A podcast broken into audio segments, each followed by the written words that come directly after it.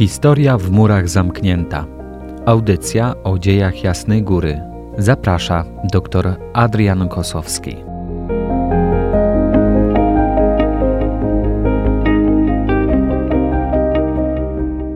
Szczęść Boże.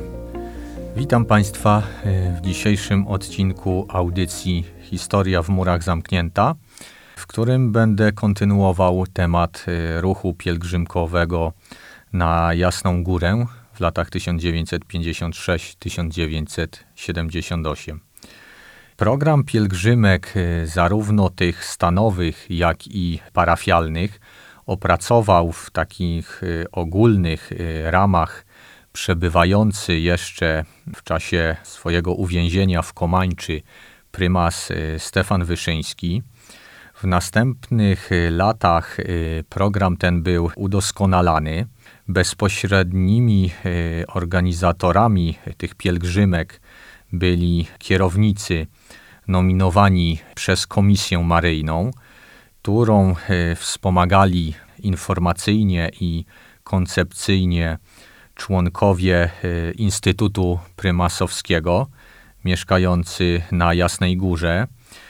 W opinii prymasa ruch pielgrzymkowy musiał posiadać własny aparat pracy, który powinien dawać pielgrzymom pomoc w odpowiedniej, jak i takiej najszerszej formie.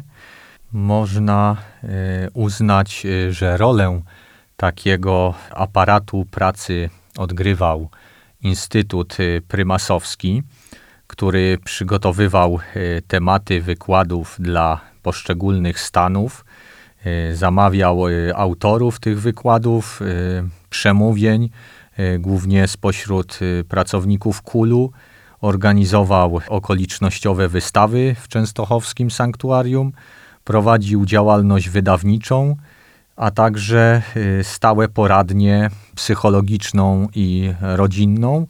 Instytut y, zajmował się w miarę swoich możliwości również takimi bardziej przyziemnymi sprawami, y, jak chociażby opieka nad przybywającymi do Częstochowy pielgrzymami. Tak szeroko zakrojona działalność Instytutu została dosyć szybko uznana za szkodliwą zarówno przez y, aparat bezpieczeństwa, jak i Państwowy Urząd do Spraw Wyznań. Wobec tego pierwsze przeciwdziałanie, czyli uderzenie w program i tą ideę wielkiej nowenny, za swój cel y, miało likwidację Instytutu. Już w grudniu 1957 roku, w czasie posiedzenia Komisji Maryjnej biskupi zwrócili uwagę na coraz e, silniejszą ingerencję cenzury w wydawnictwa, które ukazywały się drukiem pod szyldem Instytutu. E, jak się okazało, były to dopiero takie łagodne początki, które zakończyły się brutalnym wtargnięciem służby bezpieczeństwa i milicji na teren klasztoru. 21 sierpnia 1958 roku e, grupa 20 osób, e, którym przewodził prokurator, wkroczyła do biur Instytutu na Jasnej Górze i e, mimo protestów zakonników rozpoczęła ona rewizję, która zakończyła się konfiskatą legalnie e, wydanych książek, e, materiałów, różnych e, broszur. Zakonnicy usłyszeli od funkcjonariuszy bezpieki, że trzeba zniszczyć to gniazdo szerszeni. Wobec tak agresywnie zachowujących się funkcjonariuszy Służby Bezpieczeństwa w obronie Instytutu stanęli pielgrzymi. Przeprowadzający rewizję którzy byli zamknięci na terenie zespołu klasztornego drogą radiową, wezwali posiłki. E, zomowcy przy użyciu siły wyłamali e, bramy klasztorne i w szybkim tempie dotarli do tego tłumu, który się zgromadził na dziedzińcu. W tym momencie e, na terenie klasztoru zapanowała ciemność, wyłączone zostało światło. Natomiast uzbrojeni w pałki zomowcy, wspomagając się latarkami, zaczęli łapać uciekających ludzi. Pojmani byli bici, kopani, szarpani za włosy, obrzucani obelgami, wyśmiewani za swoją wiarę i uczucia religijne. Ten zamach dokonany na Instytucie Prymasowskim zakończył się procesem, w wyniku y, którego część personelu y, otrzymała wyroki kary w zawieszeniu. Y, zajęcie Instytutu Prymasowskiego wpłynęło oczywiście negatywnie na działania związane z programem Wielkiej Nowenny.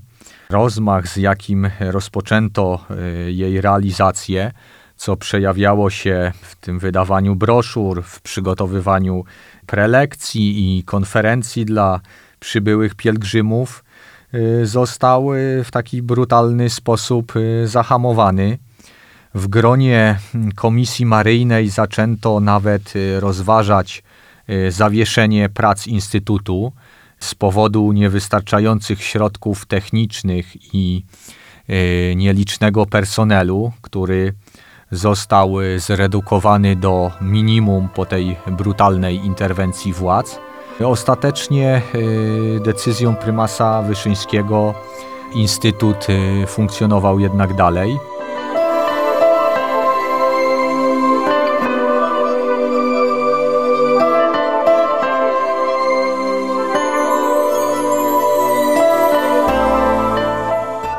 Ciągu pierwszych lat y, Wielkiej Nowenny najbardziej aktywne były pielgrzymki stanowe takich grup y, jak y, kapłani, studenci, y, nauczyciele, prawnicy, pisarze, lekarze, także pielęgniarki, położne, młodzież pracująca, organiści, niewidomi, głuchoniemi, ale także i kobiety zorganizowane jako delegatki parafii, czy również mężczyźni jako ojcowie rodzin.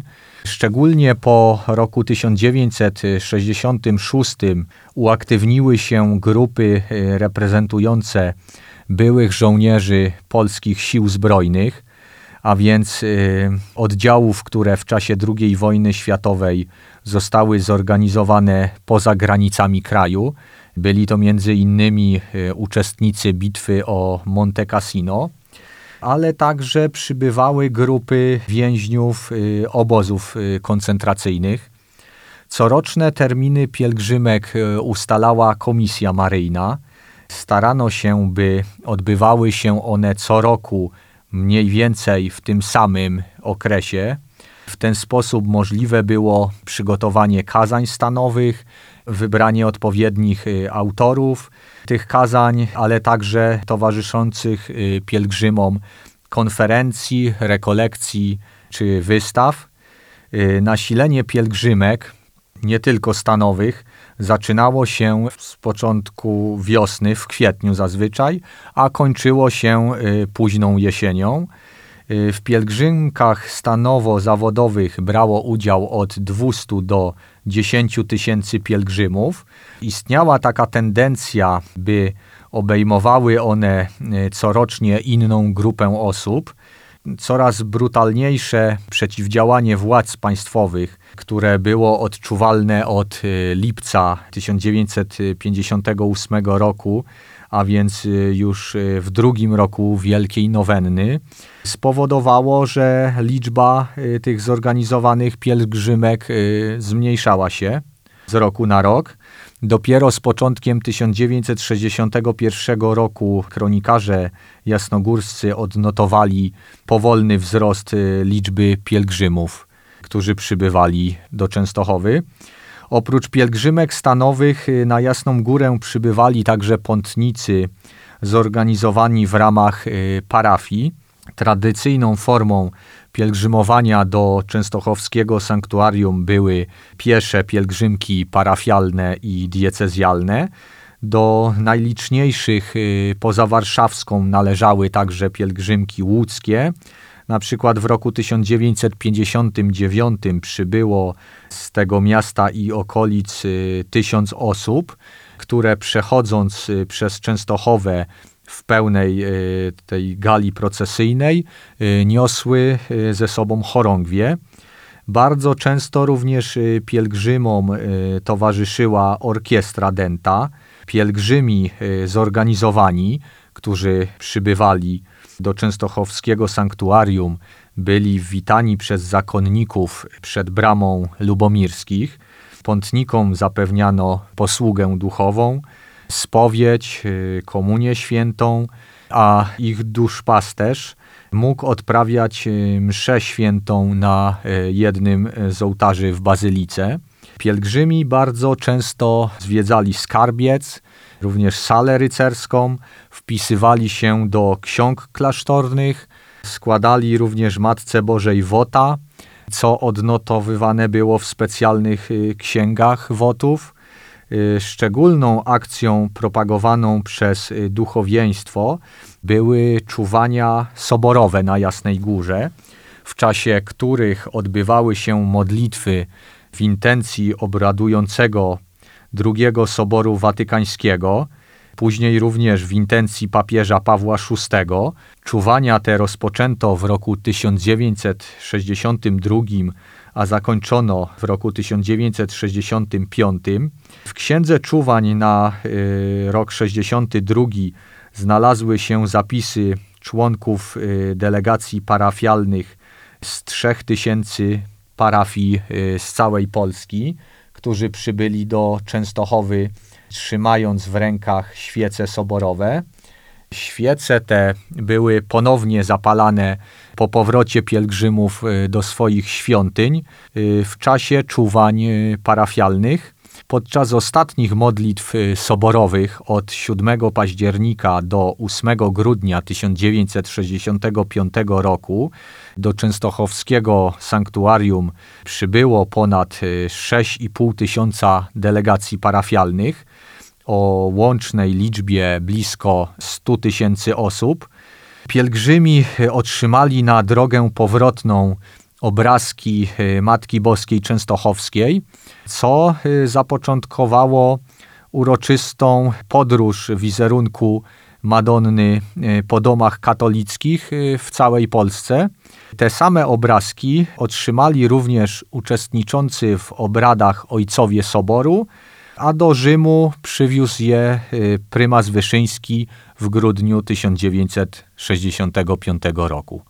W kolejnym odcinku będę kontynuował y, temat ruchu pielgrzymkowego. Opowiem między innymi o przebiegu uroczystości milenijnych, które odbyły się y, na Jasnej Górze 3 maja 1966 roku. Zapraszam y, wszystkich serdecznie.